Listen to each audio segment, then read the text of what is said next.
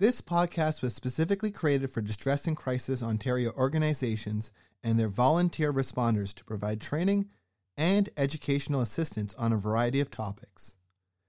As information evolves and changes, these podcasts are meant to offer ongoing support with the goal of updating them on an ongoing basis. We thank the volunteer responders and the contributors to this podcast. Please visit our website, dcontario.org, for more information and how to access free mental health services. Thank you.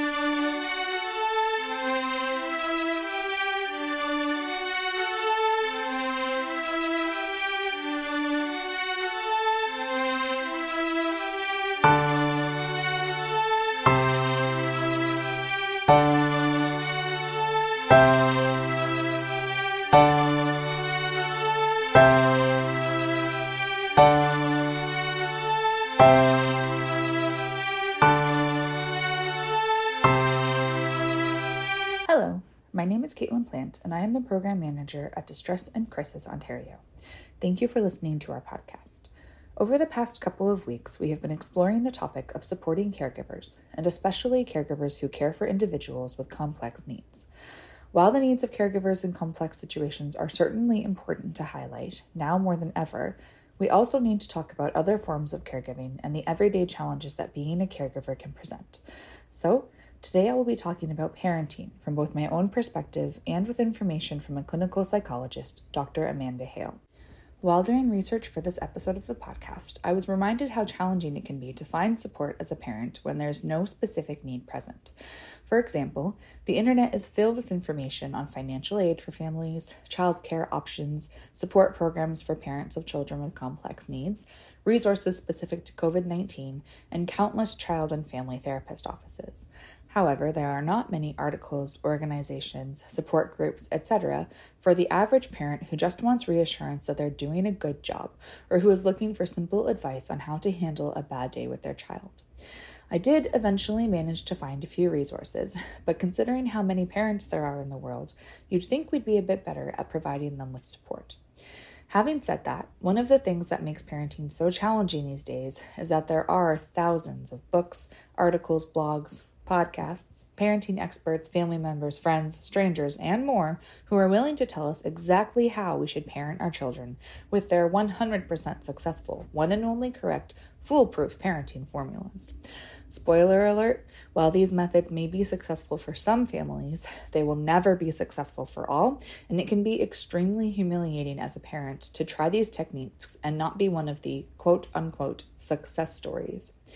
Every family unit and child are unique, and even within one family, what may have worked as a parenting style for your firstborn child could be entirely useless for any other children you have.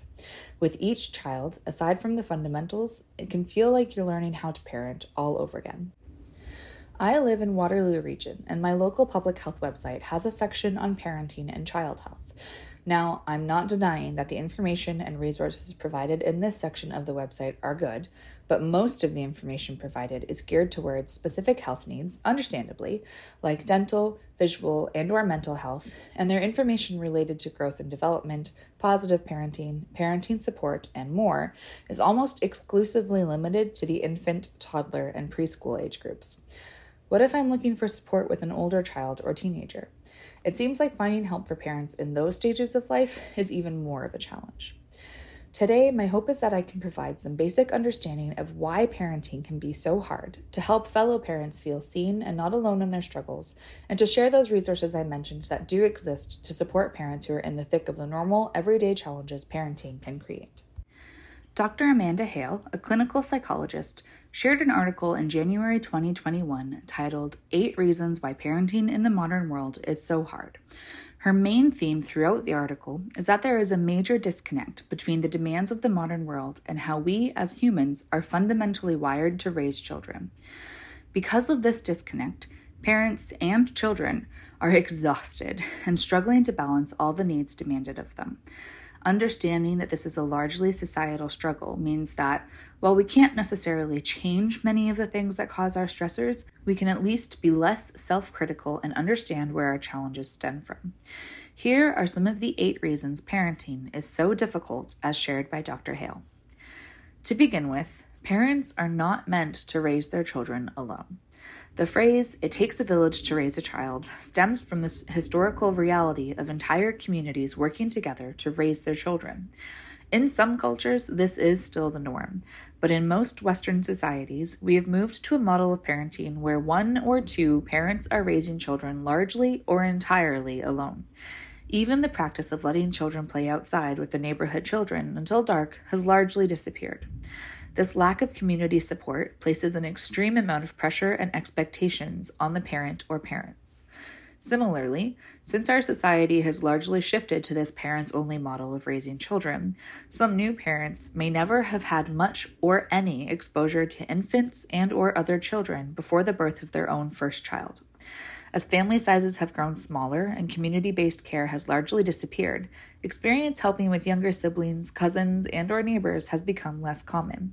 This means also having little to no exposure to things like breastfeeding, common developmental roadblocks, or having seen parenting modeled to a child other than yourself. This lack of exposure can make the already daunting phase of new parenthood even more challenging and scary than it needs to be. Having smaller families can also cause parents to be constantly focused on their child or children and be overly invested in their well being. This is largely a good thing, but at the same time can create extra pressure for parents to meet societal expectations while also creating a more rigid and stressful environment for kids. This style of parenting can lead to children who have little to no ability to self regulate as they become older, leaving them very unprepared for life outside of the home. Overall, this extra focus being placed on children isn't necessarily a bad thing if they're still given room to make mistakes, learn, and grow, but it can also be a cause of major stress for the whole family. As I've already mentioned, we live in an age of information overload where we are constantly told what parenting should look like from a hundred different scientific, evidence based sources that make us feel like we need to follow certain rules, techniques, and advice to achieve the perfect standard of parenting. This has led to many parents becoming rigid in their expectations as they follow the advice floating around in their heads rather than the cues that their children are providing them with. While rules, boundaries, and expectations are necessary and important, flexibility, compassion, and being attuned to your child's unique needs are equally necessary. Another factor that Dr. Hale mentions is how rapidly technology changes these days, but I think it would be equally correct to say that there is an overall uncertainty of what the future holds. Yes, technology is constantly evolving and shifting the way the world works, and there's no way to tell what impact this will have on our children's futures. But we also have things like climate change, war, recession, political corruption, failing healthcare systems, etc. All these factors create this big unknown of what we need to prepare our children for, which can be overwhelming and scary especially when our children reach an age where they begin to understand these challenges themselves and look to us for guidance that we may not be able to provide. Finally, now more than ever, children are being raised in homes where both parents hold jobs outside of the home. While the pandemic has certainly created a rise in the ability to work remotely, parents still have this added demand of meeting their work requirements while also raising their children, and balancing these needs can be very difficult. If children are cared for outside of the home, this can cause feelings of immense guilt. On the other hand, families who rely on one person to stay at home to care for the kids while the other goes to work have entirely different pressures. The parent staying at home may be more likely to experience caregiver burnout, while the working parent faces the pressures of being the family's sole financial provider. On top of everything we've already talked about, there's also the sad reality that divorce rates and instances of single parent households are high right now. While divorce rates did decrease between 2019 and 2020, the pandemic saw a rise in marital problems and breakups as many couples and families were thrown into extremely stressful situations. This added layer of complication, especially if there is a strained relationship between parents, can make all the struggles we've talked about seem even harder to overcome. It is always more difficult to face the challenges of life if you feel as though you are facing them alone. Hopefully, Today's episode has been helpful in allowing parents a moment to realize that they absolutely are not alone in the struggles they may be facing. And as I mentioned in my introduction, there are resources that exist to support you. Firstly, if you just need someone to talk to, to vent about a particularly challenging day, or share an exciting moment with, ONTX and our member centers would love to connect with you. You can access ONTX through either online chat from any page of our website or by texting the word support to 258 258. ONTX is available from 2 p.m. to 2 a.m. Eastern Standard Time every day. You can access our website at www.dcontario.org. And if you visit our locations page, www.dcontario.org forward slash locations, you will be able to find your nearest member center. Asking for help or needing to talk to someone is not a sign of weakness or a failure. It is human, and our responders will be there to listen without judgment or criticism. If your children are aged six and under, you may want to investigate whether your area has an early on child and family center. Early on child and family centers offer free programs for families and children where you can learn and play with your child, meet other parents slash caregivers, and get advice from early childhood professionals. To find your nearest centre, simply Google Early On or search for it on the Government of Ontario's website. Another resource I found that provides more general resources and information is parentingnow.ca. Their parenting tips page seems particularly helpful. Your local CMHA may also be able to provide resources and supports in your area. Thank you for listening to this week's podcast. I hope you have a wonderful week and join us again next time.